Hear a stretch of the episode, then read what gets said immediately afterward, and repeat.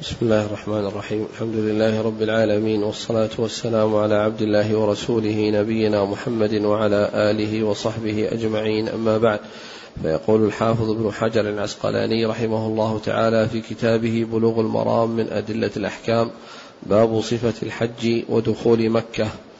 عن جابر رضي الله عن جابر بن عبد الله رضي الله عنهما أن رسول الله صلى الله عليه وسلم حج فخرجنا معه. حتى أتينا ذا الحليفة فولدت أسماء بنت عميس فقال اغتسلي واستذفري بثوب وأحرمي. وصلى رسول الله صلى الله عليه وسلم في المسجد ثم ركب القصواء حتى إذا استوت به على البيداء أهل بالتوحيد. لبيك اللهم لبيك لبيك لا شريك لك لبيك إن الحمد والنعمة لك والملك لا شريك لك. حتى إذا أتينا البيت استلم الركن فرمل ثلاثا ومشى أربعا ثم أتى, المق... ثم أتى مقام إبراهيم فصلى ثم رجع إلى الركن فاستلمه ثم خرج من الباب إلى الصفا فلما دنا من الصفا قرأ إن الصفا والمروة من شعائر الله أبدأ بما بدأ الله به فرقي الصفا حتى رأى البيت فاستقبل القبلة فوحد الله وكبره وقال لا إله إلا الله وحده لا شريك له. له الملك وله الحمد وهو على كل شيء قدير. لا إله إلا الله وحده أنجز وعده ونصر عبده وهزم الأحزاب وحده. ثم دعا بين ذلك ثلاث مرات ثم نزل إلى المروة حتى انصبت قدماه في بطن الوادي حتى إذا صعد مشى إلى المروة ففعل على المروة كما فعل على الصفا فذكر الحديث. وفيه فلما كان يوم التروية توجهوا إلى منى وركب النبي صلى الله عليه وسلم فصلى بها الظهر والعصر والمغرب والعشاء والفجر ثم مكث قليلا حتى طلعت الشمس فأجاز حتى أتى عرفة فوجد القبة قد ضربت له بنمرة فنزل بها حتى إذا زالت الشمس أمر بالقصواء فرحلت له فأتى بطن الوادي فخطب الناس ثم أذن ثم أقام فصلى الظهر ثم أقام فصلى العصر. ولم يصلي بينهما شيئا ثم ركب حتى أتى الموقف فجعل بطن ناقته القصواء إلى الصخرات وجعل جبل, وجعل جبل المشاة بين يديه واستقبل القبلة فلم يزل واقفا حتى غربت الشمس وذهبت الصفرة قليلا حتى غاب القرص ودفع. وقد شنق للقصواء الزمام حتى إن رأسها ليصيب مورك رحله ويقول بيده اليمنى أيها الناس السكينة السكينة. كلما أتى جبلا أرخى لها قليلا حتى تصعد حتى أتى المزدلفة. فصلى بها المغرب والعشاء بأذان واحد وإقامتين ولم يسبح بينهما شيئا. ثم اضطجع حتى طلع الفجر فصلى الفجر حين تبين له الصبح بأذان وإقامة. ثم ركب حتى أتى المشعر الحرام فاستقبل القبلة فدعا وكبر وهلل. فلم يزل واقفا حتى أسفر جدا فدفع قبل أن تطلع الشمس حتى أتى بطن محسر فحرك قليلا ثم سلك الطريق الوسطى التي تخرج على الجمرة الكبرى حتى أتى الجمرة حتى أتى الجمرة التي عند الشجرة فرماها بسبع حصيات يكبر مع كل حصاة منها مثل حصى الخذف رمى من بطن الوادي ثم انصرف إلى المنحر فنحر ثم ركب رسول الله صلى الله عليه وسلم فأفاض إلى البيت فصلى بمكة الظهر. رواه مسلم مطولا. بسم الله الرحمن الرحيم. الحمد لله رب العالمين. وصلى الله وسلم وبارك على عبده ورسوله نبينا محمد وعلى آله وأصحابه أجمعين. أما بعد يقول الحافظ بن حجر رحمه الله في كتاب بلوغ المرام باب صفه الحج ودخول مكة وبدأ بحديث جابر رضي الله عنه وهو حديث طويل مشتمل على كثير من المناسك وهو من من من أجمع الأحاديث وأوسعها وأطولها وأكثرها وأكثرها يعني آه، بيانا لصفه حج النبي عليه الصلاة والسلام. آه، الحديث آه، ذكره باختصار لأن الحديث مطول في صحيح مسلم. مسلم رحمه الله ذكره بطوله وهو مطول ولكنه ذكر منه جمل هنا جمل كثيرة وأشار إلى يعني آه إلى إلى إلى, إلى أنه ترك أشياء في أثنائه وفي آخره و وفي أوله قال حج رسول الله عليه الصلاة والسلام. لأنه يحدث بهذا الحديث في في زمن متأخر ويخبر عن شيء مضى. وهو يخبر عن شيء مضى وقع في زمنه صلى الله عليه وسلم. قال حج رسول الله صلى الله عليه وسلم وخرجنا معه. ورسول عليه الصلاة والسلام لما أراد الحج أعلن في الناس أنه حاج. فالناس كانوا يتوافدون إلى المدينة ليصحبوا رسول الله عليه الصلاة والسلام في رحلته إلى الحج. وليشاهدوا آه، أفعاله وليسمعوا أقواله عليه الصلاة والسلام فيتلقون ويأخذون عنه صفة الحج. فتوافد آه، يعني أناس كثيرون و ولما كان يوم السبت الذي هو يعني في في آخر ذي القعدة يعني 25 أو أو 24 خرج إلى صلى صلى بالناس الظهر أربع ركعات في مسجده صلى الله عليه وسلم. ثم إنه خرج بعد صلاة الظهر ونزل في ذي الحليفة وصلى فيها العصر ركعتين. ومكث فيها يوما وليلة. يعني صلى فيها خمسة فروض. صلى فيها العصر والمغرب والعشاء والفجر والظهر. والظهر ثم بعد ذلك أحرم عليه الصلاة والسلام. وقد فعل ذلك عليه الصلاة والسلام ليتجمع الناس وليحضر آه، آه، الناس إلى هذا المكان فيكون فيتمكنون من صحبته من أول انطلاقه ومن أول دخوله في الحج. وهذا من كمال نصحه لأمته عليه الصلاة والسلام لأنه أولا حصل إعلان في الحج أنه حاج والناس يعني جاءوا يتوافدون ثم أيضا خرج إلى ذي الحليفة وجلس فيها آه، يوما وليلة. جلس فيها يوم الناس يأتون ويجتمعون حتى يكونوا على علم بكل أفعاله وما يصدر منه من أول الأمر إلى نهايته من بدايته في الحج إلى نهايته من من خروجه من المدينة إلى رجوعه منها صلوات الله وسلامه وبركاته عليه. قال خرج رسول الله صلى الله عليه وسلم حج رسول الله فخرج وخرجنا معه وخرجنا معه. فخرجنا معه نعم. حج حج نعم. فخرجنا معه. حج فخرجنا معه. يعني حصل منه الحج وهو يخبر عن شيء مضى فخرجنا معه.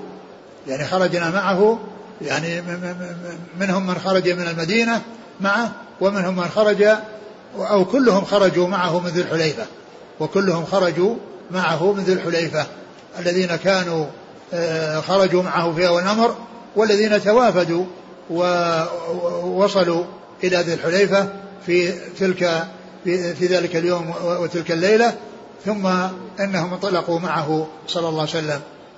نعم. خرج وخرجنا خرجنا معه. حتى أتينا ذا الحليفة. نعم. فولدت أسماء بنت عميس. هنا يقول خرجنا معه يعني معناه انه خرج معه من المدينة. حتى أتى ذا الحليفة. لكن هناك هناك أناس جاءوا بعد ذلك وخرج الجميع معه من ذي الحليفة إلى إلى إلى, إلى مكة. حتى جاءوا ذا الحليفة. وفي تلك اليوم والليلة التي بقي فيها ذي الحليفة ولدت أسماء بنت عميس رضي الله عنها آه، زوجة أبي بكر ابنه محمد. ف فأخبرها فأمرها النبي صلى الله عليه وسلم أن تغتسل وأن تستثفر بثوب يعني بحيث لا يخرج منها شيء من الدم ويتساقط على يعني آه، على ثيابها وأن تشده بشيء يمسك الخارج من الفرج من الدم. فأخبرها بأنها تفعل هذا الفعل. وهذا يدلنا على أن أن المرأة الحائض وكذلك النفساء يحرمان في حال حيضهما وفي حال في حال حيضهن وحال نفاسهن وأنهن يدخلن في الإحرام ولو كن على هذه الحال. إلا أنهن إذا وصلن مكة لا يدخلن المسجد حتى يطهرن ويغتسلن. وأما جميع الأفعال فإنها تفعلها النفساء والحائض. جميع أفعال الحج تفعلها. فإنها تذهب إلى منى وإلى عرفة وإلى مزدلفة وترمي الجمار وتفعل جميع أفعال الحج إلا أنها لا تدخل المسجد إلا أنها لا تدخل المسجد حتى تطهر حتى تطهر وتغتسل وحتى تطهر من من حيضها وتغتسل تتطهر ثم بعد ذلك آه، آه، تدخل المسجد وتطوف وتسعى. فإن كان وأسمى بنت عميس هذه زوجة أبي بكر وقد تزوجها قبله جعفر بن أبي طالب وتزوجها بعده علي بن أبي طالب وهؤلاء الثلاثة ولدت لهم ولدت لهؤلاء الثلاثة جعفر بن أبي طالب ثم أبو بكر ثم علي بن أبي طالب رضي الله تعالى عنهم. وهذا الذي حصل لها في ذلك الوقت ولادتها ابن ابنها محمد ابن أبي بكر. نعم، ولدت أسماء بنت عميس فقال اغتسلي واستذفري بثوب وأحرمي. وهذا يدل على أن المحرم يغتسل يغتسل للإحرام يغتسل الاحرام يتنظف ويتهيأ للإحرام بالاغتسال وإزالة ما يمكن إزالته وما يحتاج إلى إزالته حتى لا يحتاج إلى إزالته وهو محرم. ف وإذا كانت المرأة يعني مأمورة بالاغتسال مع أنها حائض أو نفساء فكذلك ال ال غير المحرمين غير غير من تكون حائض ونفساء يغتسلون. إذا كانت أمرت بالاغتسال فغيرهم يغتسل. وقد مر بنا الحديث الذي مر قريبا أن النبي صلى الله عليه وسلم تجرد لإحرامه واغتسل. تجرد لإحرامه واغتسل. والاغتسال سنة. ليس ليس بواجب. وإنما هو مستحب وليس بواجب. نعم. اغتسلي واستذفري بثوب وأحرمي. تستثفر بثوب يعني تجعله تشد به الفرج حتى لا يخرج شيء وإذا خرج شيء يكون بهذا الثوب الذي لفته عليه والذي استثمرته. ثم أحرمي يعني تحرم وهي على هذه الحال. تحرم على هذه الحال وهي نفساء ومثلها الحائض. نعم. وصلى رسول الله صلى الله عليه وسلم في المسجد. وصلى رسول الله صلى الله عليه وسلم في المسجد يعني الصلوات الخمس التي هي العصر والمغرب والعشاء والفجر والظهر. وبعد الظهر وبعد أن صلى الظهر أحرم عليه الصلاة والسلام. وجاء أن أحرم أنه أحرم في المسجد.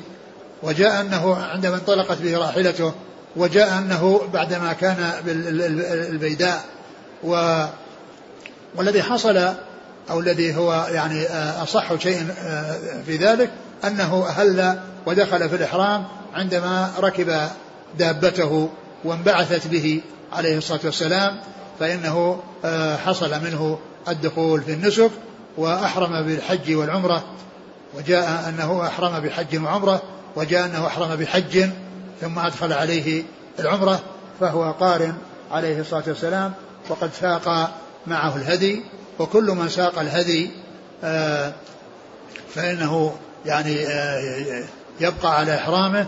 إن كان إن كان قارنا بقي على إحرامه إلى يوم العيد وإن كان مفردا بقي على إحرامه إلى يوم العيد وإن كان معتمرا فإنه يدخل الحج على العمرة ويصير قارنا حتى لا يفسخ إحرامه. وحتى لا يتحلل إلا يوم العيد.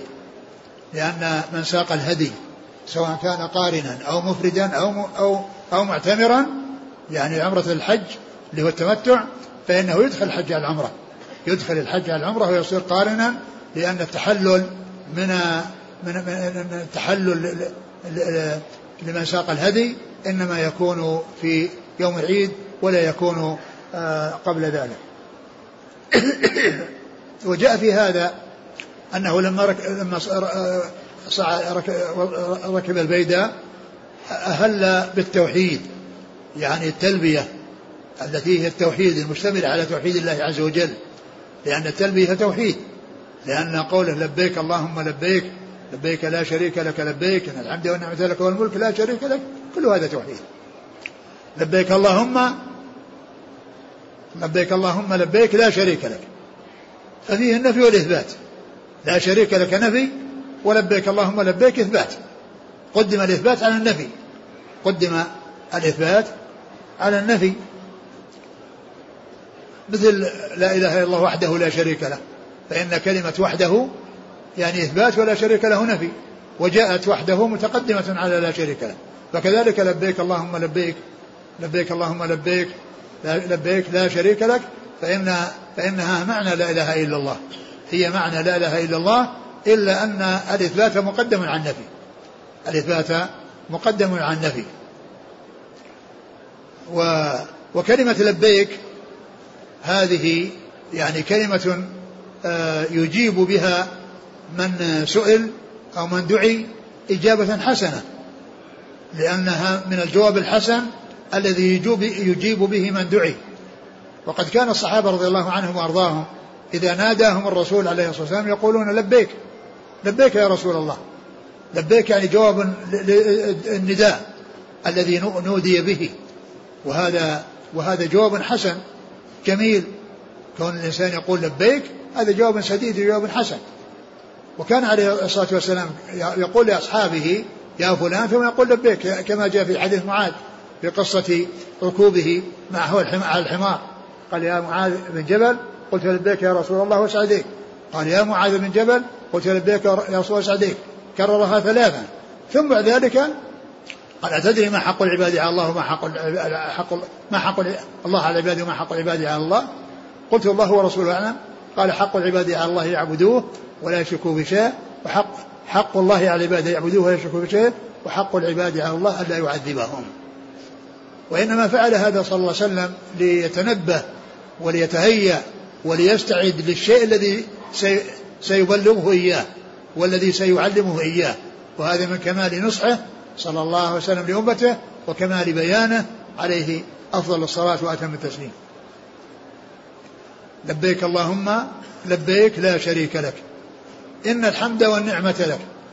إن الحمد والنعمة لك والملك. وهذا ثناء على الله عز وجل بأن الله تعالى هو المحمود في جميع الأحوال. وعلى كل حال والنعم هي لله ومن الله فالنعمة هي من الله وهي لله والله تعالى يتفضل بها على عباده فهو فهو المحمود وهو المنعم المتفضل وهو مالك الملك ذي الجلال والإكرام. إن الحمد والنعمة لك والملك. الحمد لك والنعمة لك والملك لك فهذا ثناء على الله عز وجل وتعظيم له. ثم قال لا شريك لك. لا شريك لك. تأكيد للشيء الذي مضى. وكونه يقال في الحج لبيك اللهم لبيك. آه إبراهيم عليه الصلاة والسلام ذكر الله عنه في القرآن أنه أذن في الناس بالحج. وأن الناس يعني يأتون ويجيبون هذا النداء. فمن وفقه الله عز وجل من وفقه الله عز وجل فإنه إذا وصل المواقيت ودخل في النسك فإنه يقول لبيك اللهم لبيك يعني أنك يا ربي دعوتني لحج بيتك ووفقتني للوصول إلى هذا المكان الذي يكون منه الإحرام فلبيك اللهم لبيك.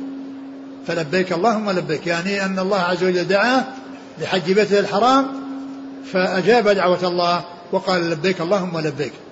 وكان هذه التلبية مشتملة على التوحيد. كانت هذه التلبية مشتملة على التوحيد وعلى إخلاص العبادة لله عز وجل وأن العبادة لا تكون إلا له. ف آه، ففي هذه التلبية معنى لا, لا, لا إله إلا الله. يعني أن الإلوهية لا تكون إلا لله والعبادة لا تكون إلا لله فلا يشرك مع الله غيره. والكفار كانوا يعني يأتون بهذه الجملة ولكنهم يعني ينقضونها. بشرك يأتي بعدها. ويقولون لبيك كانوا يقولون لبيك اللهم لبيك آه، لا شريك لك إلا شريكا هو لك تملكه وما ملك. إلا شريكا هو لك وما تملكه وما ملك. فأتوا بالتوحيد ثم نقضوه بالشرك. ثم نقضوه بالشرك بقولهم إلا شريكا هو لك تملكه وما ملك. نعم. حتى إذا أتينا البيت استلم الركن فرمل ثلاثا ومشى أربعا لما وصل البيت لما وصل الكعبة المشرفة ودخل دخل المسجد الحرام وصل إلى الكعبة يعني جاء إلى البيت واستلم الركن. الركن هو الحجر الأسود. الركن هو الحجر الأسود. هو الذي يستلم وهو الذي يقبل وهو الذي يشار إليه. الإنسان إذا وصل إليه يعني يستلمه يقبله أو يستلمه ويقبل ما استلمه به أو بعد ذلك يشير إليه. إذا لم يصل إليه ويكبر. يشير إليه ويكبر. فيقول بسم الله والله أكبر عند استلامه وتقبيله وأما عند الإشارة إليه يقول الله أكبر. وهذا الركن الذي هو الحجر الأسود فيه الأمور الثلاثة.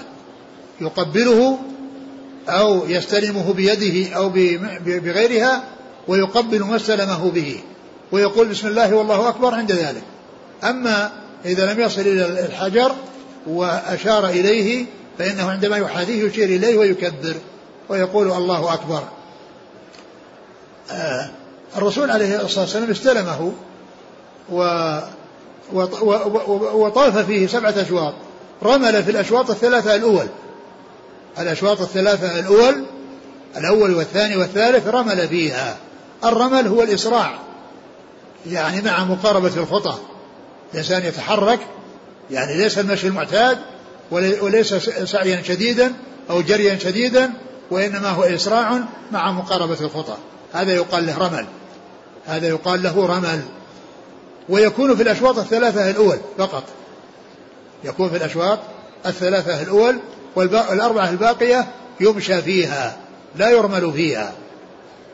وأصل الرمل أن الرسول عليه الصلاة والسلام وأصحابه لما جاءوا في عمرة القضاء التي هي في السنة السابعة من الهجرة وقد يعني جاءوا آه، معتمرين ولما على حسب الاتفاق الذي جرى بين رسول الله صلى الله عليه وسلم وكفار قريش في الحديبية والصلح الذي جرى بينهم وأنه يعتمر من العام القادم. فجاء من العام القادم في ذي القعدة في نفس الشهر الذي حصل فيه صده عن البيت يوم الحديبية ف فدخل فدخل وطاف ورمل وسمع وكان الكفار قد جلسوا إلى جهة جلسوا إلى جهة الحجر ينظرون إليهم ويتحدث بعضهم مع بعض ويقولون يقدم عليكم قوم وهنتهم حمى يثرب. يعني معناهم فيهم هزال وفيهم ضعف بسبب الحمى. فالله عز وجل أسمع نبيه صلى الله عليه وسلم كلامهم فأمرهم أن يرملوا. فأمرهم أن يرملوا الأشواط الثلاثة. الأولى هذا في عمرة القضاء. في عمرة القضاء. وإذا صاروا بين الركنين يعني بين الركن اليماني والحجر الأسود يمشون. لأن الكفار تسترهم الكعبة عن الكفار. فأمرهم أن يمشوا يعني من أجل أنه يصير عندهم يعني آه، آه، ارتياح أو راحة. يعني بدل ما يكون هالرمل متواصل يعني يرملون في ثلاث جهات من الكعبة ويمشون في الجهة التي تكون الكعبة حاجزة بينهم وبين كفار قريش الذين قالوا هذه المقالة. وأمرهم بأن يمشوا إبقاء عليهم ورفقا بهم وشفقة عليهم. صلوات الله وسلامه وبركاته عليه. آه، لكنه عليه الصلاة والسلام لما كان في حجة الوداع كما جاء في حديث جابر هذا رمل إلى الحجر من الحجر إلى الحجر. فيكون هذا تذكير يعني هذا الفعل فيه تذكير للذي حصل يعني من يعني للرسول عليه الصلاة والسلام وأصحابه وأنهم يعني كانوا يعني في في ذلك الوقت يعني على حسب الصلح يعني جاءوا وفيهم الضعف والرسول صلى الله عليه وسلم أمرهم بأن يرملوا وهذا مما يسمى مما جاء في الحديث الحرب خدعة. الحرب خدعة لأن كونهم يعني يظهرون القوة والحركة يعني وإن كان فيهم شيء من الضعف هذا من الخدعة. وكذلك كونهم يعني يمشون والكفار لا يرونهم يعني هذا من الخدعة, الخدعة. وقد قال عليه الصلاة والسلام الحرب خدعة فهذا فهذا منها. نعم ورمل ثلاثة أشواط ما شاء أربعا. ثم أتى مقام إبراهيم فصلى.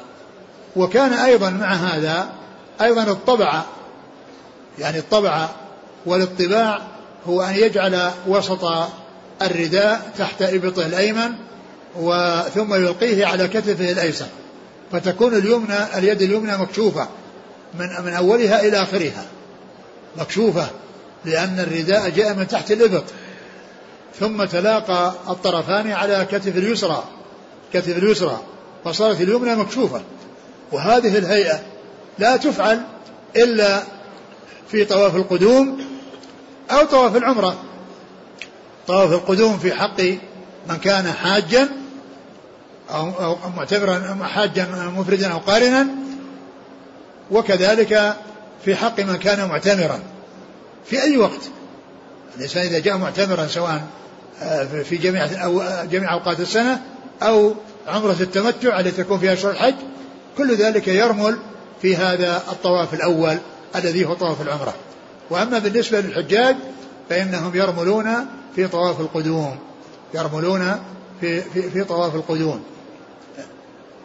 والاطباع يكون أيضا يعني الرمل يكون للمعتمرين في طواف العمرة وللحجاج القارئين المنفردين وكذلك الاطباع وكذلك الاطباع يكون لهم جميعا للمعتمرين عندما أداء العمرة وللحجاج عندما يطوفون طواف القدوم إلا أن الفرق بين الاطباع وبين الرمل أن الرمل يكون في الأشواط الثلاثة الأول وأما الاطباع يكون في سبعة الأشواط. من حين يبدأ بالشوط الأول إلى أن ينتهي من الشوط السابع. ثم يضع الرداء على كتفيه ويذهب ويصلي خلف المقام ورداءه على كتفيه. فالفرق بين الرمل والاطباع أن الرمل يكون في الأشواط الثلاثة الأول وأما الاطباع يكون في جميع الأشواط السبعة. ثم ذهب عليه الصلاة والسلام وصلى خلف المقام ركعتين. قرأ فيهما بقول يا أيها الكافرون وقل هو الله أحد. قرأ فيهما بقول يا أيها الكافرون وقل هو الله أحد. وهاتان الركعتان يعني مستحبة يعني في للطواف. و وإذا تمكن من كون الإنسان يصليهما خلف المقام فعل وإلا يصليهما في أي مكان من المسجد. يصليهما في أي مكان من المسجد. نعم. ثم رجع إلى الركن فاستلمه. ثم رجع إلى الركن فاستلمه. رجع إلى الركن يعني عندما أراد أن يذهب إلى إلى إلى, السعي آه، جاء إلى الركن واستلمه ثم ذهب صلوات الله وسلامه وبركاته عليه للسعي. نعم. ثم خرج من الباب إلى الصفا فلما دنا من الصفا قرأ إن الصفا والمروة من شعائر الله أبدأ بما بدأ الله به فرقي الصفا. ثم خرج من الباب الذي جهة الصفا. خرج من الباب الذي يخرج منه إلى الصفا. ولما دنا من الصفا وبدأ بالصعود عليه قال إن الصفا والمروة من شعائر الله. أبدأ بما بدأ الله به. أبدأ بما بدأ الله به. يعني أنه بدأ بالصفا ولم يبدأ بالمروة. لأن الله لما ذكر الصفا والمروة قدم الصفا على المروة. فقال إن الصفا والمروة من شعائر الله. فقال أبدأ بما بدأ الله به. يعني أن الله بدأ بالصفا ذكرا فنحن نبدأ به فعلا. والرسول عليه السلام يعني آه، بدأ بالصفا وقال يعني آه، آه، بالطواف لأن الله وأخبر بأنه فعل بدأ بما بدأ الله به. والله عز وجل لما ذكر الصفا والمروة قال إن الصفا والمروة. ما قال إن المروة والصفا؟ قال إن الصفا والمروة. قال نبدأ بما بدأ الله به. يعني نبدأ بالصفا لأن الله بدأ به. ويعني ننتهي إلى المروة لأن الله يعني ختم بها أو, أو, أو, أو عطف بها. فما بدأ الله به أولا يبدأ به وما يعني لم يبدأ به فإنه يكون هو الآخر. لكن السعي من الصفا إلى المروة شوط ثم من المروة إلى الصفا شوط ثاني وهكذا. سبعة أشواط أربعة إلى جهة الصفا وثلاثة إلى جهة المروة. الأوتار إلى جهة الصفا إلى جهة المروة. اللي هو الأول والثالث والخامس والسابع. أربعة أشواط من الأشواط سبعة في اتجاه من الصفا إلى المروة وهي الأوتار. أما الأشفاع التي هي الثاني, الثاني والرابع والسادس فهذه من جهة المروة إلى جهة الصفا. من جهة المروة إلى جهة الصفا الرسول صلى الله عليه وسلم تلا هذه الآية فقال نبدأ بما بدأ الله به. ثم إنه صعد على الصفا واستقبل القبلة وذكر وحد الله وكبره. وحد الله وكبره. يعني قال لا إله إلا الله والله أكبر. لأن توحيد الله لا إله إلا الله. والتكبير الله أكبر. وحد الله وكبره. ثم قال لا إله إلا الله وحده لا شريك له. له الملك وله الحمد وهو على كل شيء قدير. وهذا وهذا الذكر الذي هو لا إله إلا الله وحده لا شريك له فيه ذكر كلمة التوحيد مرتين. المرة الأولى في قوله لا إله إلا الله. لا إله إلا الله لأن لا إله نفي وإلا الله إثبات. لا إله تنفي العبادة عن كل من سوى الله والإثبات تثبتها لله وحده لا شريك له. إذا كلمة الإخلاص لها ركنان. نفي عام في أولها وإثبات خاص في آخرها. والخبر محذوف تقديره حق. يعني لا إله حق إلا الله. لا إله حق إلا الله. والمقصود بكونه حق يعني أن الألوهية الحقة هي لله. لكن يوجد ألوهيات لغير الله وهي باطلة. ألوهية لغير الله وهي باطلة. لأن عبادة الأصنام هي يعني ألوهية ولكنها باطلة. أما عبودية, عبودية لله وحده لا شريك له فإنها هي الألوهية الحق. لا إله حق. المألوهات كثيرة والمعبودات كثيرة ولكنها باطلة. والعبادة الخالصة الصحيحة السليمة هي عبادة الله وحده لا شريك له. لا إله حق إلا الله. تنفي العبادة عن كل ما سوى الله وتثبتها لله وحده لا شريك له. أكد ذلك بقوله وحده لا شريك له. لا إله إلا الله وحده لا شريك له. لأن كلمة وحده ترجع إلى إلا الله. التي هي الثانية. وكلمة لا شريك له ترجع إلى لا إله إلا لا إله اللي هي الأول. فتكون يعني كلمة الإخلاص ذكرت مؤكدة بكلمتين أولاهما ترجع إلى الإثبات والثانية ترجع إلى النفي الذي كان في الأول. لا إله إلا الله وحده لا شريك له له الملك وله الحمد وهو على كل شيء قدير. وهذا فيه ثناء على الله عز وجل. له الملك وله الحمد وهو مالك الملك وهو المحمود على كل حال وهو الذي على كل شيء قدير سبحانه وتعالى. ثم قال لا إله إلا الله وحده. لا إله إلا الله وحده. يعني ذكر كلمة التوحيد وذكر وأكد آه، النفي بقوله وحده. صدق وعده. يعني لكونه وعد نبيه بالنصر والله عز وجل نصره. والله عز وجل نصره. صدق نصر عبده نصر عبده آه، الذي هو رسول الله عليه الصلاة والسلام. نصر عبده وأعز جنده وهزم الأحزاب وحده. الأحزاب الذين تحزبوا يعني عام الخندق في المدينة وجاءوا والله عز وجل صدهم وردهم بشيء من عنده سبحانه وتعالى. ليس من من عند الرسول صلى الله عليه وسلم ولا من عند المخلوقين. لأن الله أرسل عليهم ريح وجنود لم يروها من الملائكة. فحصل أن الله تعالى هزمهم. من غير أن يكون للرسول صلى الله عليه وسلم ومن معه يعني فعل وإنما هو بفعل الله عز وجل. فهزم الأحزاب وحده. كما قال الله عز وجل يا أيها الذين اذكروا نعمة الله عليكم إذ جاءتكم جنود فأرسلنا عليهم ريحا وجنودا لم تروها. وجنودا لم تروها. فهزم الأحزاب وحده. وهذا كل ثناء على الله عز وجل وتعظيم له سبحانه وتعالى. يعني نصر عبده وعز جنده وهزم الأحزاب وحده. آه آه ثم دعا يعني بين ذلك يعني دعا مع ذلك وكرر ذلك ثلاثا. يعني بهذا الذكر وبالدعاء الذي يكون مع ذلك يعني ثلاث مرات. نعم. ثم نزل إلى المروة حتى ثم نزل متجها إلى المروة.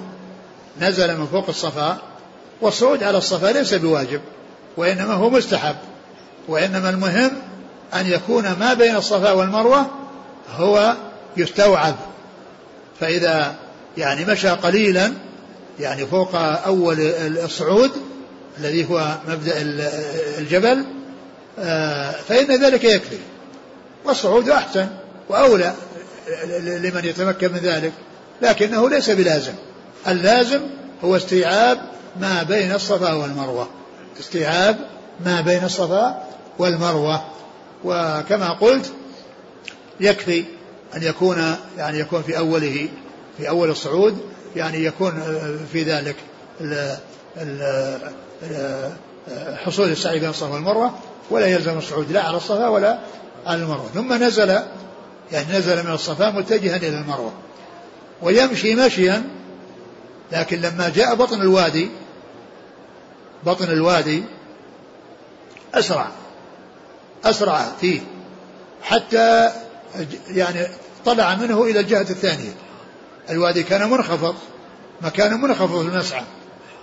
فإذا وصل إليه أسرع وجرى يعني سعيا يعني شديدا حتى يعني يخرج منه إلى جهة المروة ثم يمشي مثل ما كان يمشي قبل الوصول إلى الوادي.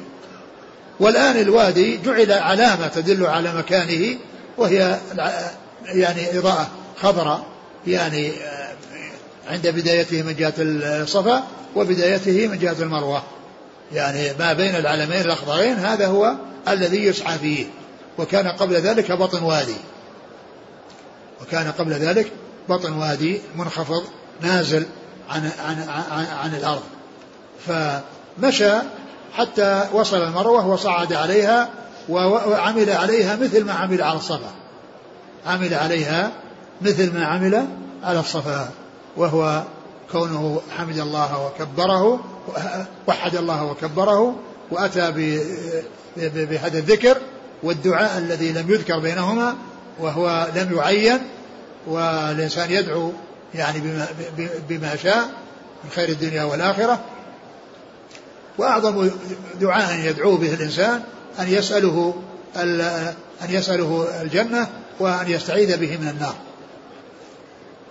ومن أجمع الدعاء ربنا آتنا في الدنيا حسنة وفي الآخرة حسنة وقنا عذاب النار. ربنا آتنا في الدنيا حسنة وفي الآخرة حسنة وقنا عذاب النار.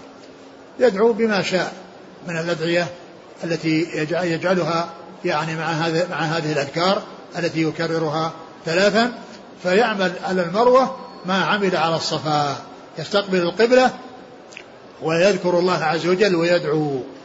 وبذلك انتهى شوط. فيرجع إلى المروة إلى الصفا فيبدأ بالشوط الثاني حتى يصل إلى الصفا وهكذا حتى ينتهي بالمروة. سبعة أشواط يبدأ بالصفا ويختم بالمروة. يبدأ بالصفا وفي كل منهما يدعو الله عز وجل. وفي كل منهما يدعو الله عز وجل. حتى الشوط الأخير الذي به النهاية أيضا كذلك لأنه الحديث جاء أنه فعل الصفا على المروة مثل ما فعل الصفا. يعني معناه في كل شوط يفعل على المروة مثل ما فعل على الصفا. يعني ولا يقال أن أن الشوط الأخير الذي فيه النهاية إنما يفعل فيه ما فعل في الأشواط الستة التي قبله بل إنه يكون فيه في جميع الأشواط. نعم.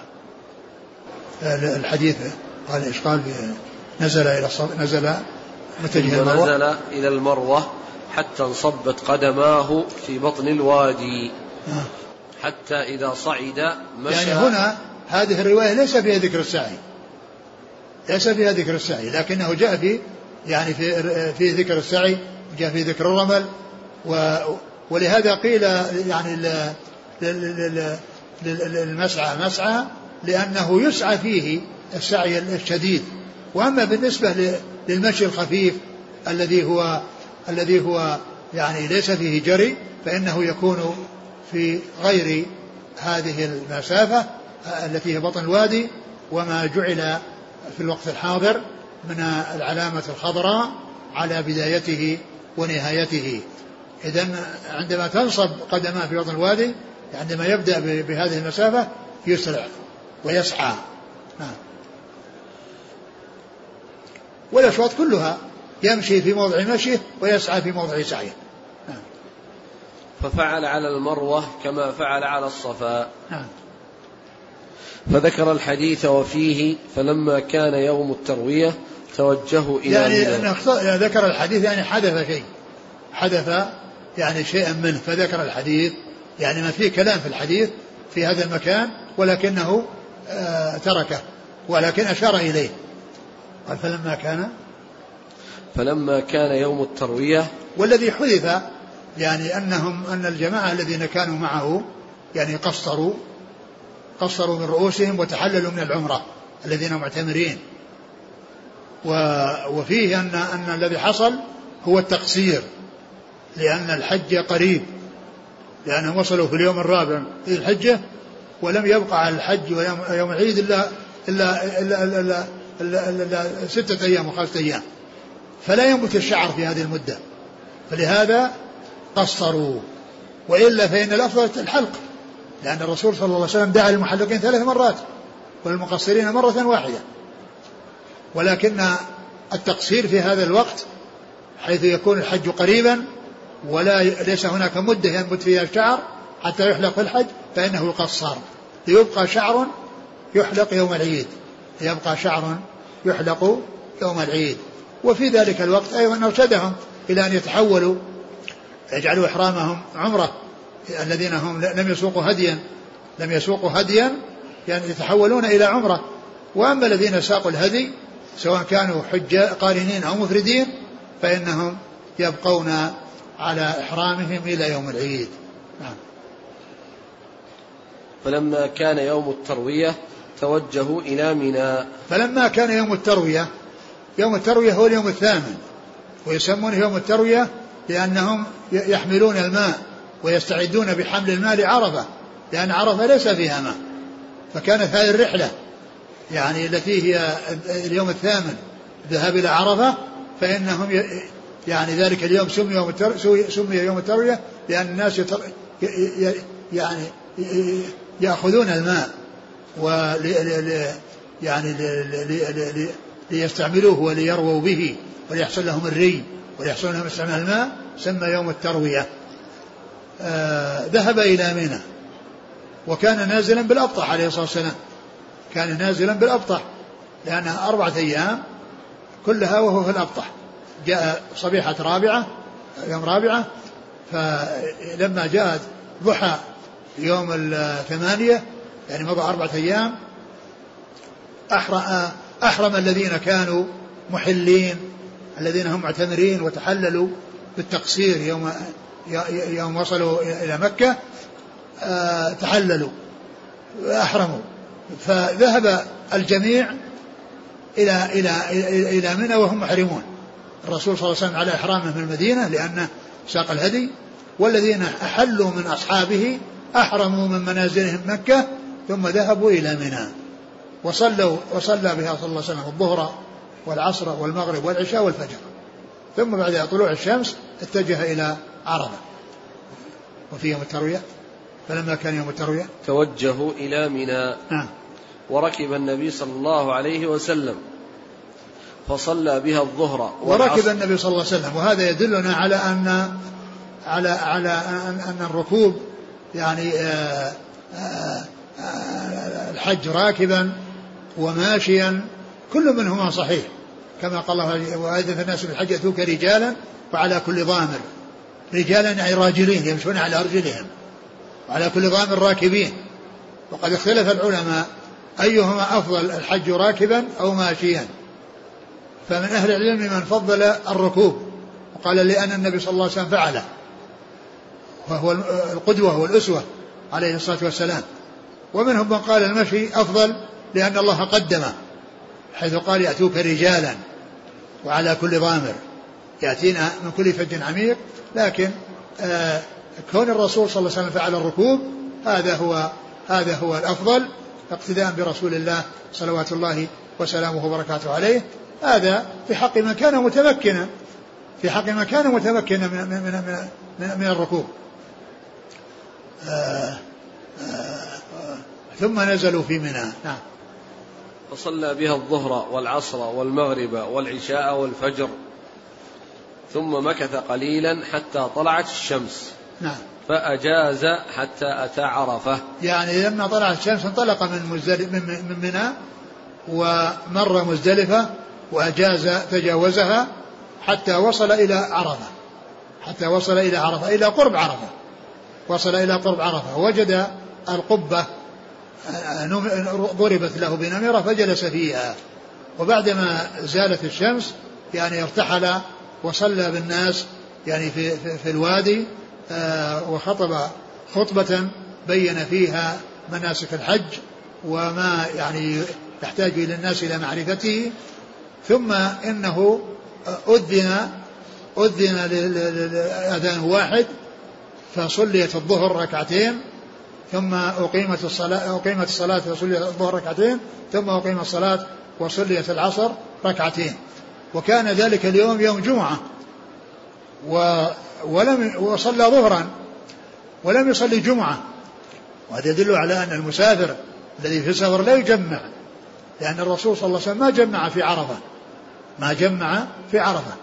والخطبة التي خطبها هي خطبة واحدة. يعني بين فيها والجمعة تحتاج إلى خطبتين والجمعة يجهر فيها بالقراءة وهو أسر القراءة عليه الصلاة والسلام. وفي الحديث أنه صلى الظهر ركعتين ما قال صلى الجمعة.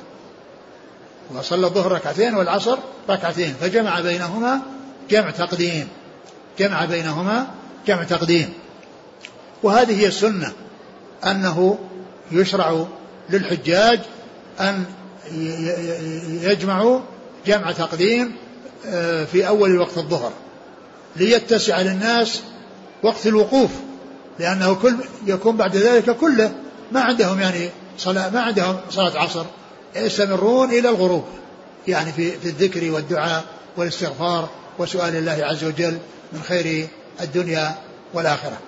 ولما آه، يعني قضى صلاته ذهب إلى موقفه الذي وقف فيه من عرفة وكان يعني خلف جبل الرحمة وجعل الجبل المسمى جبل الرحمة بينه وبين القبلة فاستقبل القبلة وكان في الجهة التي يعني يكون فيها جبل الرحمة أمامه فوقف عليه الصلاة والسلام آه، في الموقف الذي وقف فيه وقال وقفت ها هنا وعرفة كلها موقف وعرفة كلها موقف يعني ليس الوقوف في هذا المكان بل عرف عرفة كلها موقف كل ما يدخل في حدود عرفة وكل ما يدخل في في أرض عرفة فإنه يقال له عرفة والوقوف فيه يعني معتبر ولكن على الإنسان أن يحرص على معرفة الحدود التي يعني وضعت وهي موجودة من جميع الجهات من عرفة فالإنسان يحرص على أن يكون في داخلها ويحذر أن يكون وراءها لأن الإنسان إذا وقف خارج عرفة لا يعتبر وقف بعرفة. إذا وقف خارج عرفة لا يعتبر وقف بعرفة وإنما عليه أن يتحقق لأن هذا ليس بالأمر الهين والأمر السهل هذا أمر عظيم. من أهم المهمات أن الإنسان يعرف أنه في داخل عرفة لأنه لو وقف خارج عرفة ولو كان جاهلا ما يفيده ذلك شيئا لأنه لم يقف بعرفة.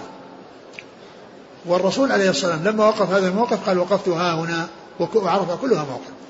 لكن الجبل الذي جبل, جبل الرحمة يسمى جبل الرحمة لا لا يليق بأحد أن يصعد عليه وأن يرقى عليه وأن يتعب نفسه في ذلك أو يذهب إليه وإنما عليه أن يجلس في المكان الذي يعني ينزل فيه من عرفة ويبقى فيه ويذكر الله عز وجل ويهله ويدعوه ولا يشغل نفسه بالذهاب والإياب والصعود والنزول لأن هذا ما جاء في سنة عن رسول الله عليه الصلاة والسلام ولا أثر عن أحد من أصحابه الكرام رضي الله تعالى عنهم وأرضاه.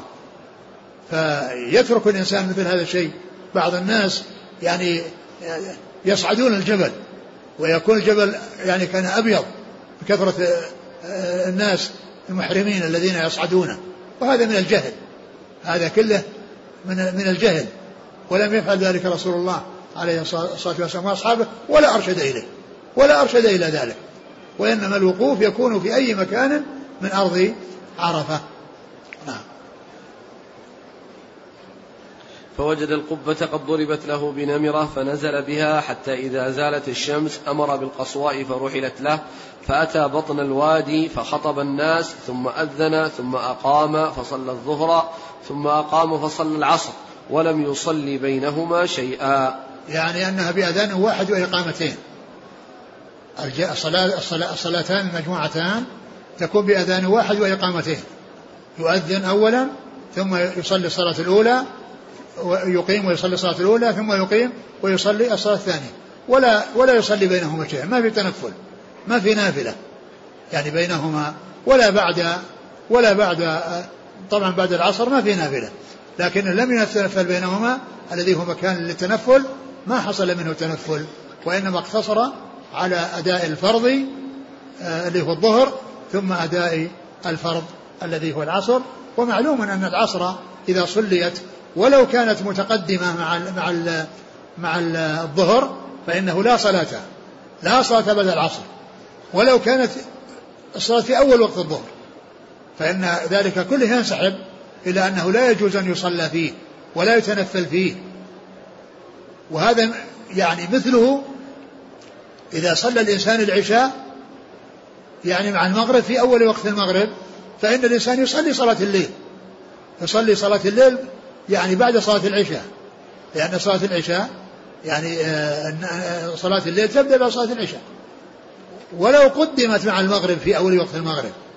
فالإنسان إذا إذا إذا جمع بين الصلاتين في أول وقت المغرب وصلى العشاء في أول مع مع المغرب في أول وقتها له أن يصلي بعد ذلك صلاة الليل وينام. ويصلي صلاة الليل وينام ولو كان ذلك في أول وقت المغرب. فالحاصل الرسول عليه الصلاة والسلام. صلى الظهر والعصر بأذان واحد وإقامتين في أول وقت الظهر ولم يسبح بينهما أي لم يتنفل. ثم ذهب إلى ثم ركب حتى أتى الموقف. نعم. فجعل بطن ناقته القصواء إلى الصخرات. يعني أتى بطن الموقف يعني الموقف الذي وقف فيه. وجعل الصخرات التي حول الجبل اللي هو جبل الرحمة بين يديه واستقبل القبلة ويعني وقف عليه الصلاة والسلام يعني آه، ولكنه قال وقفتها هنا وعرف كلها مواقف. فجعل بطن ناقته القصوى إلى الصخرات وجعل جبل المشاة بين يديه. جبل المشاة أو حبل المشاة.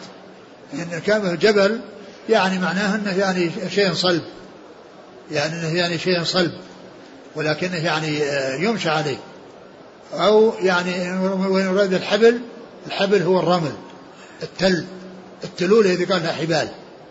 يعني وسيأتي بعد ذلك أنه إذا جاء تلا من, من يعني حبل من حبال أرخى لناقته وكان يمسكها فإذا وصل إلى مكان فيه يعني يحتاج إلى صعود فإنه يترك يترك رأسها دون أن يجذبه بالخطام يعني إليه آه لتتمكن من الصعود. فالجبل يطلق على ما يعني الجبال وعلى ما قسى يعني من الأرض وكان كالجبال. وأما الحبال فإن المقصود بها التلول من الرمل. نعم. وجعل جبل المشاة بين يديه واستقبل القبلة. فلم يزل واقفا حتى غربت الشمس وذهبت الصفرة قليلا حتى غاب القرص ودفع.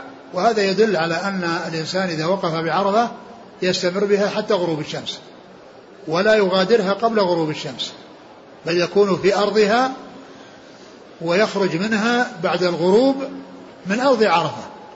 لا يخرج قبل ذلك يمشي قليل من أجل أنه يعني لأنه إذا خرج من عرفة ولو كان بقي مدة وجيزة على غروب الشمس يعني لا فرق بين ذلك وبين الذي خرج قبل ذلك بمدة طويلة. المهم أن الإنسان يقف في أرض عرفة ولا يخرج منها إلا إذا غربت الشمس. اللهم إلا إذا كان الإنسان خرج لحاجة فإنه يرجع إليها قبل الغروب أو بعد الغروب.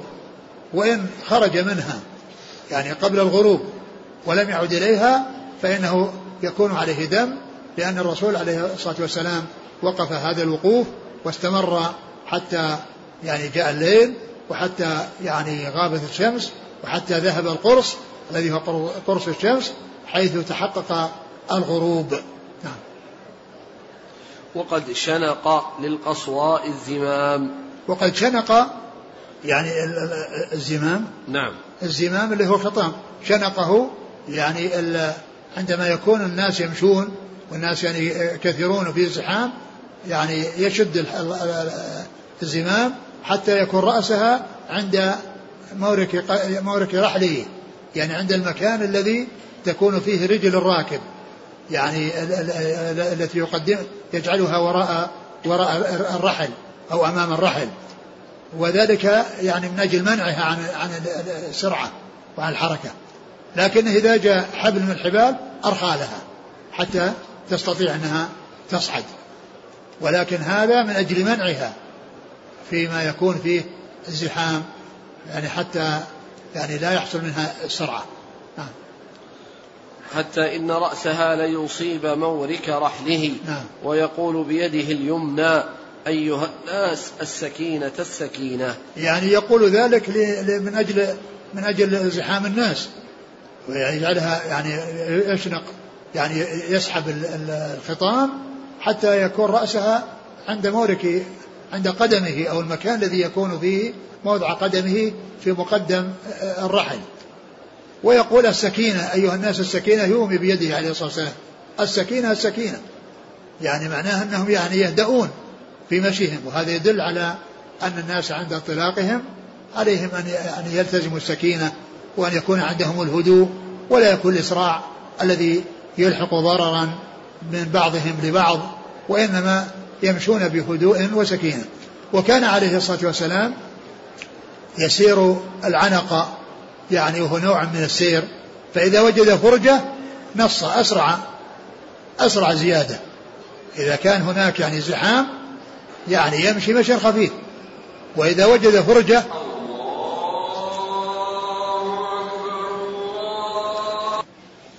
نعم. غدا فيه درس إن شاء الله. نعم.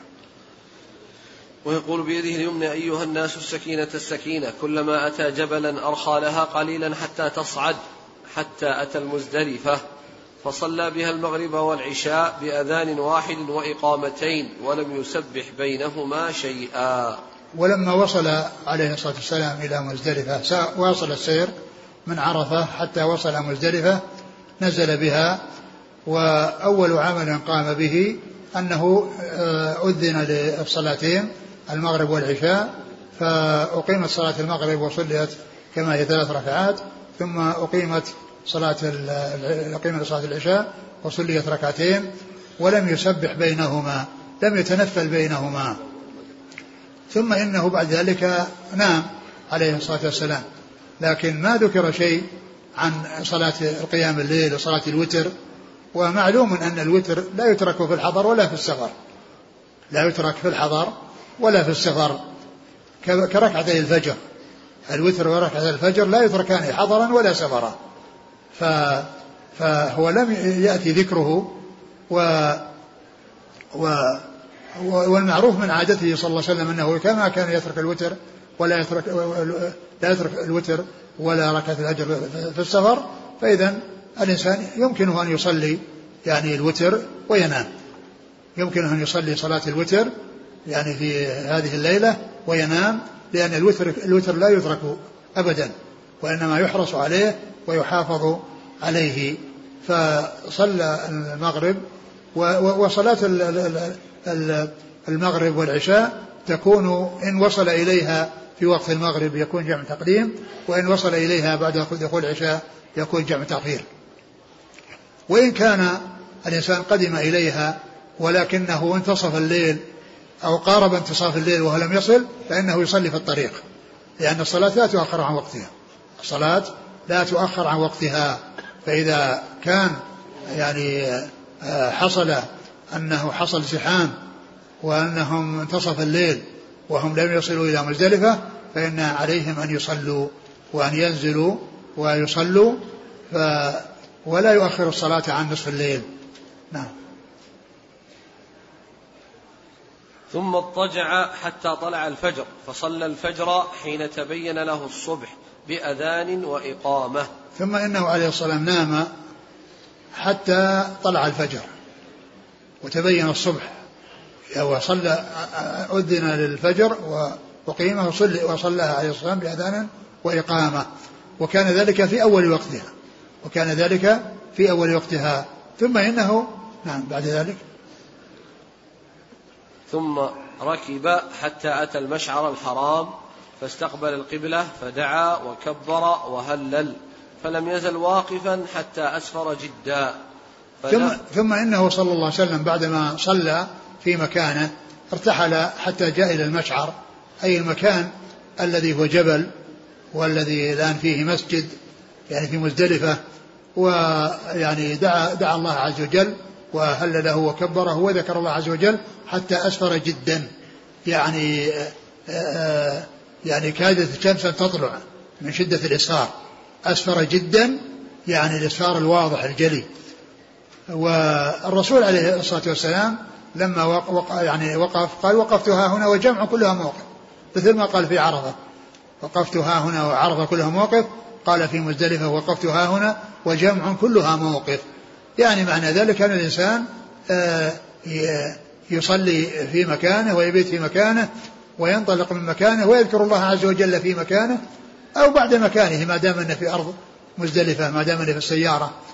ف آه، ولا يلزم الناس أن يذهبوا إلى ذلك المسجد كما أنه لا يلزمهم أن يذهبوا إلى مسجد نمرة ولا يلزمهم أن يذهبوا للمكان الذي وقف فيه الرسول عليه الصلاة والسلام وإنما يقفون في أي مكان من عرفة وفي أي مكان من مزدلفة.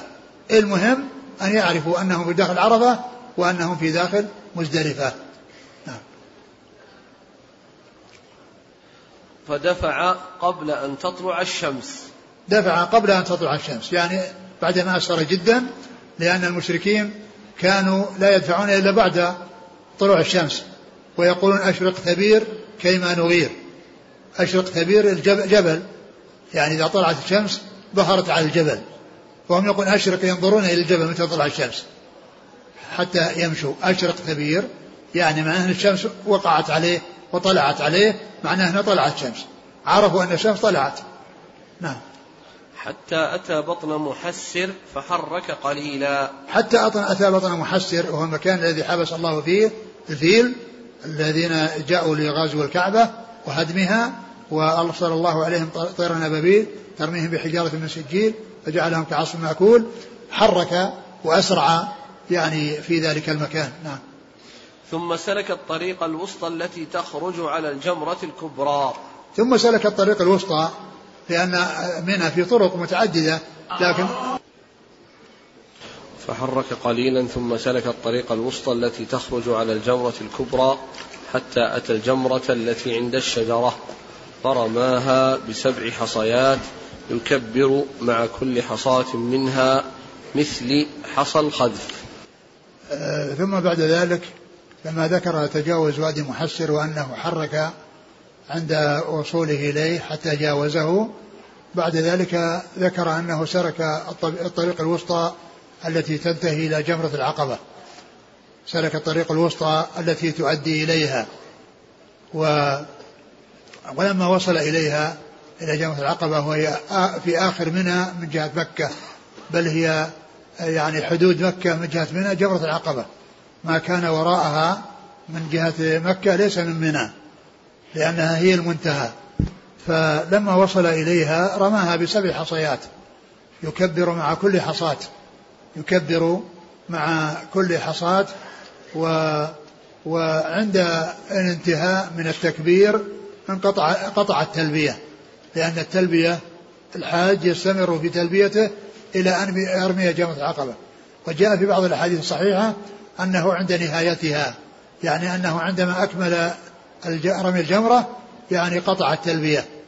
و وقد رماها صلى الله عليه وسلم يعني جعل مكة عن يمينه عن يساره ومنى عن يمينه ورماها بسبع حصيات. ورميها يكون من جميع الجهات. ليس بلازم أن يكون من جهة معينة وإنما يكون من جميع الجهات.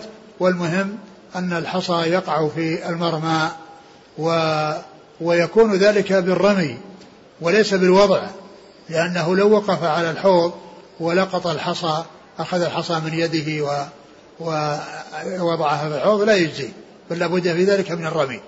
لابد أن يكون ذلك من الرمي. والإنسان أيضا يحرص على أن يكون رميه في المرمى وألا يرمي من مكان بعيد يعني لا يصل رميه إلى المرمى لأن ذلك يعتبر غير رام. وإذا غلب وإذا تيقن أن أن الحصى وقع في المرمى أو غلب على ظنه فإنه يجزئه ذلك. أما إذا لم يتيقن ولم يغلب على ظنه أنه يقع في المرمى من لأنه رمى من مكان بعيد فرميه وجوده وجوده كعدمه. نعم. يكبر مع كل حصاة منها مثل حصى الخذف. مثل حصى الخذف يعني حصى الحصى الذي رمى به النبي صلى الله عليه وسلم مثل حصى الخذف. وهو أكبر من الحمص أكبر من الحمص يعني وهو الذي يخذف به بين الأصابع يعني آه هذا يقال له الخذف. فهو حصى ليس بالكبير ولا بالصغير جدا ليس بالصغير جدا ولا بالكبير وإنما يكون بهذا المقدار. والرسول عليه الصلاة والسلام لما لقط له الفضل بن عباس رضي الله عنه آه، سبع حصيات يعني من منى آه، وضعهن بيده صلى الله عليه وسلم وجعل يقلبهن بيده ويقول بمثل هذا فرموا وإياكم والغلو فإنما أهلك من كان قبلكم الغلو في الدين. يعني معناه الإنسان لو رمى بحصى حجارة كبيرة فإنه يكون في ذلك غال يعني وهذا من الغلو. ف فحذر من الرسول صلى الله عليه وسلم من ذلك وقال إنه من الغلو وقال إياكم والغلو في الدين. نعم. رمى من بطن الوادي ثم انصرف إلى المنحر فنحر. ثم انصرف إلى المنحر ونحر هديه عليه الصلاة والسلام وذلك في مكان يكون فيه النحر ولكن النحر لا يكون في ذلك المكان بل منى كلها منحر وفجاج مكة كلها طريق ومنحر كما قال ذلك رسول الله عليه الصلاة والسلام. فيمكن النحر في منى ويمكن النحر في مكة ولا يلزم أن يكون في منى. بل يجوز أن يكون أيضا في مكة كما جاءت في ذلك السنة عن رسول الله عليه الصلاة والسلام. وكان معه مئة, مئة من الإبل يعني هديا وقد نحر بيده الشريفة ثلاثا وستين بدنة ووكل علي رضي الله عنه بنحر الباقي ثم إنه طبخ له من كل يعني ناقة بضعة أو قطعة من اللحم ويوضعت في قدر فأكل منها وشرب يعني من من من, من مرقها. و والأكل ليس بلازم. يعني كل إنسان يعطي آه، يعطي آه، هديه للجهة المسؤولة التي جعلتها الدولة وهي البنك الإسلامي. لا يلزم الإنسان يعني يأكل منها ولا يلزم أنه يروح يشاهدها وإنما يعني آه، إذا قام بها وكيله ومن يقوم عنه بها ووزعها أو وصلت إلى مستحقها يكفي ذلك. ولا وأكلها ليس بلازم. لأن النبي صلى الله عليه وسلم كان يرسل الهدي من المدينة ثم إنه يذبح بمكة ولا يأكل منه شيئا. أقول يرسل الهدي إلى المدينة يعني في غير وقت الحج و آه، ولا يأكل منه شيئا. فالأكل منه ليس بلازم. ثم أيضا هذه المئة القطعة التي آه، وضعت في قدر وطبخ منها من كل بدنة ما أكل منها صلى الله عليه وسلم كلها. أكل بعض القطع من بعض من بعض الإبل التي نحرت. فالأكل ليس بلازم ولكنه مستحب إذا تمكن الإنسان من ذلك. نعم. ثم ركب رسول الله صلى الله عليه وسلم فأفاض إلى البيت. فصل والرسول عليه الصلاة والسلام لما نحر هديه حلق رأسه. لأن أعمال يوم النحر أربعة. الرمي ثم النحر ثم الحلق ثم الطواف. والسعي بعده لمن كان عليه سعي. والرسول صلى الله عليه وسلم ليس عليه سعي لأنه كان قارنا وقد سعى مع طواف القدوم. فما بقي عليه إلا طواف الإفاضة. ف فقبل طواف الإفاضة الرسول عليه الصلاة والسلام حلق رأسه. بعدما رمى ونحر حلق رأسه. وطيبته عائشة للدخول إلى مكة لطواف الإفاضة. حيث جاء في الحديث السابق الذي مر بنا ذكره وهو قول عائشة رضي الله عنها كنت أطيب رسول الله صلى الله عليه وسلم لإحرامه قبل أن يحرم ولحله قبل أن يطوف البيت. يعني معناه أنها طيبته بعدما حصل منه الرمي والحلق. وأما النحر فإنه لا علاقة له بالتحلل. النحر لا علاقة له بالتحلل لأن الحجاج ليسوا كلهم ينحرون. المفرد لا نحر عليه ولكن الأمور الثلاثة التي هي لازمة لجميع الحجاج وهي الرمي والحلق والطواف هذه هي التي يكون بها التحلل. فإذا فعل اثنين من الثلاثة تحلل التحلل الأول. وإذا أكمل الثلاثة تحلل التحلل الثاني. تحلل التحلل الثاني. أما النحر فإنه لا علاقة له بالتحلل. يمكن الإنسان ما ينحر إلا يوم 13 ما ينحر إلا يوم 18 وقد حل له كل شيء. لأنه إذا رمى وحلق ونحى وطاف حل له كل شيء حتى النساء. يمكن ما يذبح إلا يوم 13 لأن النحر لا علاقة له بالتحلل لأنه ليس لازما لجميع الحجاج. وإنما الأمور التي يكون بها التحلل هي الثلاثة اللازمة لجميع الحجاج التي هي الرمي والحلق أو التقصير و وطواف الإفاضة والسعي بعد بين الصفا والمروة لمن كان عليه سعي. من القارنين من المتمتعين أو القارنين الذين ما دخلوا مكة إلا بعد الحج. أو القارنين الذين ما دخلوا مكة إلا بعد الحج فإنهم بعد طواف الإفاضة يسعون بين الصفا والمروة لأن القارن والمفرد كل منهما عليه سعي واحد. له محلان محل بعد القدوم ومحل بعد الإفاضة. إن فعل في المحل الأول انتهى لا يفعل في المحل الثاني. وإن لم يفعله في المحل الأول أو لم يدخل مكة إلا بعد الحج فإنه بعدما يطوف يسعى بين الصفا والمروة. نعم. ثم ركب رسول الله صلى الله عليه وسلم فأفاض إلى البيت فصلى بمكة الظهر. ثم إنه صلى الله عليه وسلم ركب دابته ونزل إلى مكة وأفاض وصلى بمكة الظهر. وصلى بمكة الظهر. وقد جاء في بعض الأحاديث الصحيحة أنه صلى الظهر بمنى صلى الظهر بمنى. ويعني وأحسن ما جمع يعني فيه أو يجمع بين الحديثين بأن الرسول عليه الصلاة والسلام طاف قبل الزوال ولما دخل وقت الظهر صلى بالناس الظهر في مكة ثم إن الناس في منى ينتظرونه.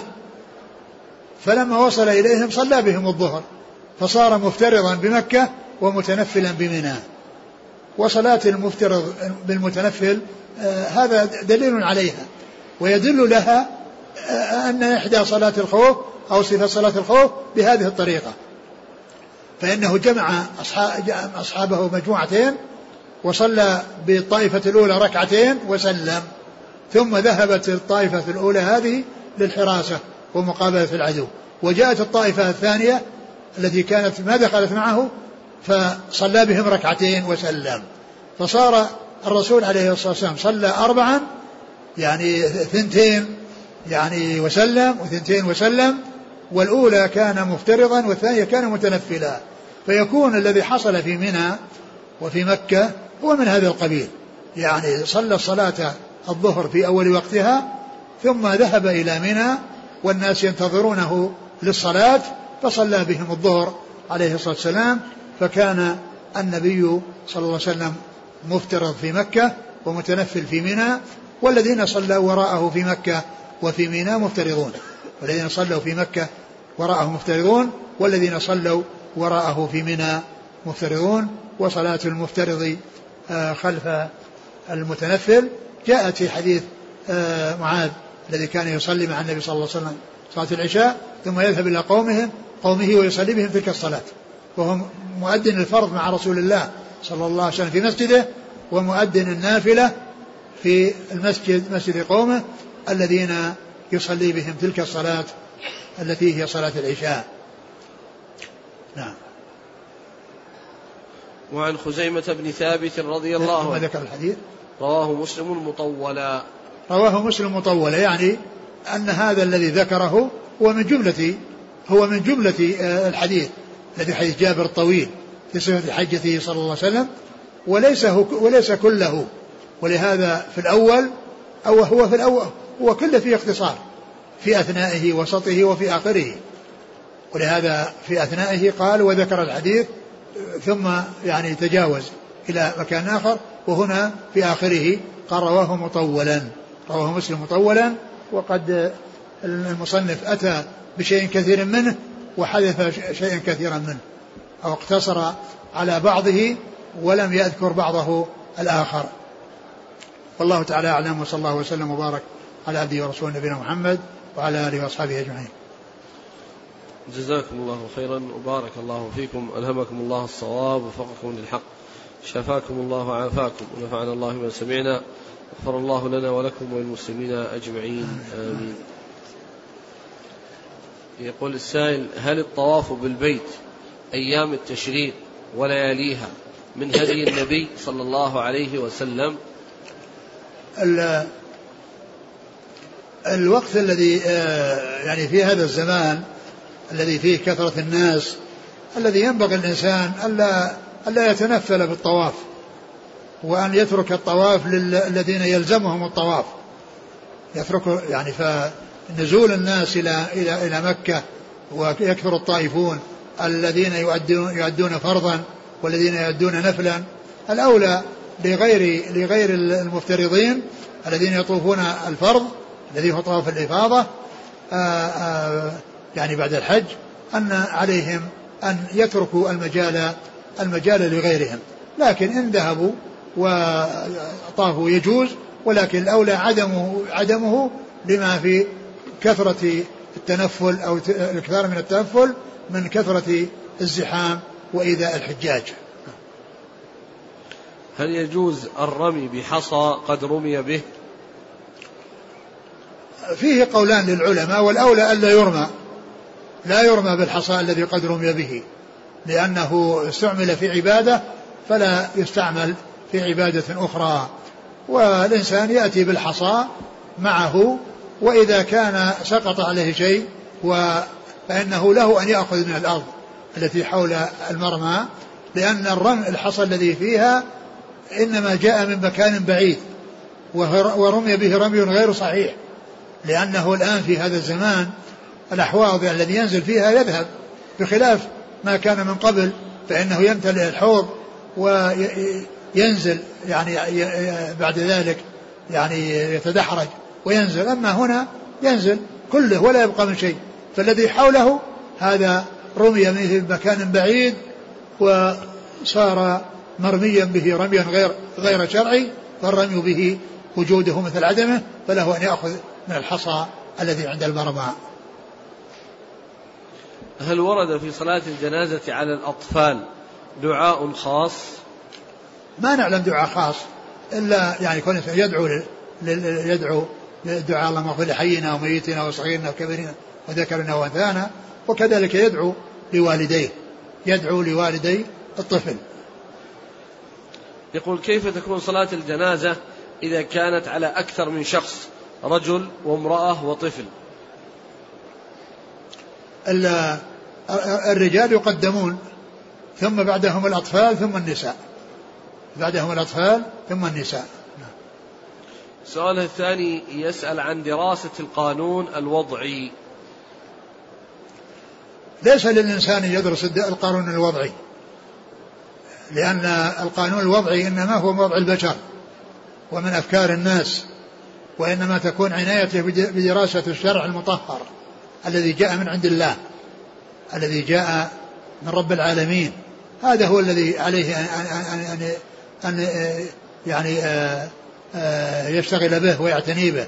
وأما القوانين الوضعية فلا يشتغل فيها ولا يشغل نفسه فيها وإنما يتركها. وإذا احتاج الأمر إلى أن يبين وكان عنده قدرة أن يبين فسادها والبعد الشاسع بينها وبين القوانين وبين كتاب وبين الشريعة المطهرة من أجل أن يبين فضل الشريعة على غيرها وأن القوانين أنها أنها باطلة وأنه لا قيمة لها وإن كان هذا يعني ذكر التفضيل مثل ما يقول الشاعر آآ آه، آآ آه، يقول يقول الشاعر ألم تر أن السيف ينقص قدره؟ إذا قيل إن السيف أمضى من العصا. ألم تر أن السيف ينقص قدره؟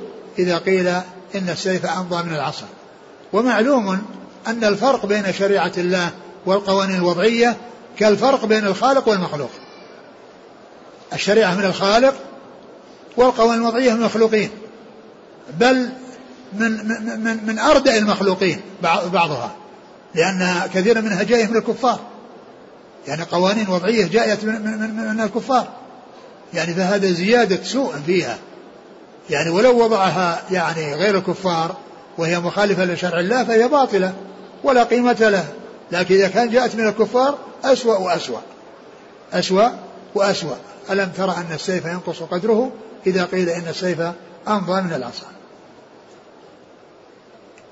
يقول هل يجوز أن أصلي في السيارة إذا لم أستطع أن أنزل بسبب الزحام ليلة مزدلفة؟ الزحام كما هو معلوم إذا كان الزحام معنى السيارات واقفة. الإنسان الذي وصل إلى يعني أنه في نصف الليل يعني ما يعني السيارات ما تتحرك. يعني إلا شيء يسير. يمكن الإنسان يصلي يعني آه يصلي ويوتر والسيارات ما تحركت من مكانها.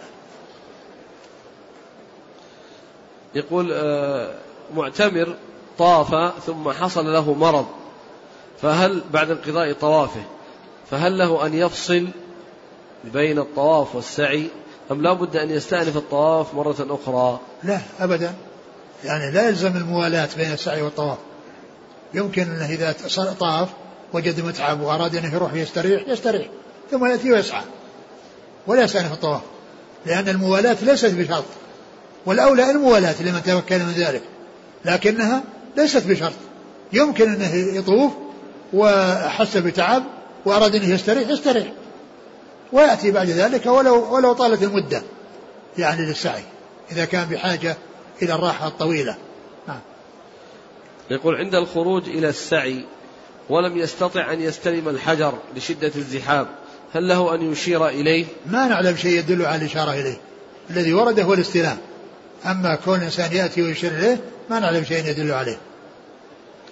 يقول شيخنا أريد أن أحج هذا العام ولكن سأنزل إلى جدة في اليوم الأول أو اليوم يقول اليوم سيذهب إلى جدة. ويوم ثمانية من ذي الحجة سيحرم من جدة لأنه لا سكن له في مكة. فهل يجوز له أن يحرم من جدة؟ الذي خرج من المدينة وهو يريد الحج سواء يريد جدة أو لا يريد جدة فإن عليه يحرم من الميقات. ولا يتجاوز الميقات إلا, إلا وهو محرم. ويمكنه أنه يذهب إلى إلى إلى مكة ويطوف ويسعى للعمرة ويقصر ثم يذهب إلى جدة. هل يجوز وضع الحزام على الإحرام؟ نعم يجوز. يجوز وضع الحزام على الإحرام ولو كان مخيطا لأن الخياطة لا لا تؤثر في مثل الحزام. رجل به أمراض عدة هل يجوز له أن يذهب أيام منى إلى مكة ويفدي؟ وهل تكون الفدية عن يومين أم كل يوم له فدية؟ الفدية هي ليست للأيام هي للعمل. فإذا كان يحتاج إلى تغطية الرأس يغطي رأسه بفدية واحدة في ولو ولو طالت المدة ولو كانت مدة الحج كله. فدية عن تغطية الرأس وفدية عن اللبس. فدية عن اللبس كون يلبس مخيط إذا كان يبي يلبس مخيط فيعمل فديتين. والفدية يعني تكون بمكة يمكن إذا كان الإنسان في في منى الإنسان في منى يمكن ينزل إلى مكة وأقول يمكن أن ينزل إلى مكة. ولا ما يبغى يبات. ها؟ ظاهر أمره كأنه مريض وما يبغى يبات في منى في منى بيروح مكة. فيقول هاليومين ذي اللي أترك المبيت. علي إذا علي. كان المبيت إذا كان أنه سيذهب إلى مستشفى يعني هذا معذور. وأما كونه يروح ينزل في مكان في في في مكة يعني فمثل مثل ما ينزل في مثل ما ينزل في مكة ينزل في منى. يقول أنا أعمل في فندق في بلدي وفي رمضان يأتي النصارى ونقدم لهم الأكل في نهار رمضان. علما بأني مرغم على ذلك. فما الحكم؟ لا تشتغل في هذا المكان. اترك هذا المكان وابحث عن مكان لا ترغم فيه على يعني شيء لا, لا, لا يقره الإسلام. يقول أحسن الله إليك أنا أدرس في مدرسة قرآنية لم يكن فيها القراءة الجماعية. والآن فرض علينا المدرس أن نقرأ قراءة جماعية. ما نصيحتكم؟ السؤال أدرس في مدرسة قرآنية لم يكن فيها قراءة جماعية. الآن فرض علينا المدرس أن نقرأ قراءة جماعية. والله يعني مثل هذا ينبغي أن المدرس يعني يبين له ويقال له أن هذا ليس له أساس وأن كل يقرأ لنفسه والقراءة الجماعية هذه ما تحدد الناس. يعني كل يضيع مع الواحد يضيع مع غيره ولا يعرف يعني قراءته كونها سليمة وغير سليمة. وإنما يكون ذلك بما إذا قرأ كل واحد على حدة. يقول أقسمت على زوجتي ألا ألبي لها طلب. ما كفارة هذا القسم لكي ألبي لها طلب؟ أبدا يكفر عن يمينه ويلبي لها الطلب المشروع.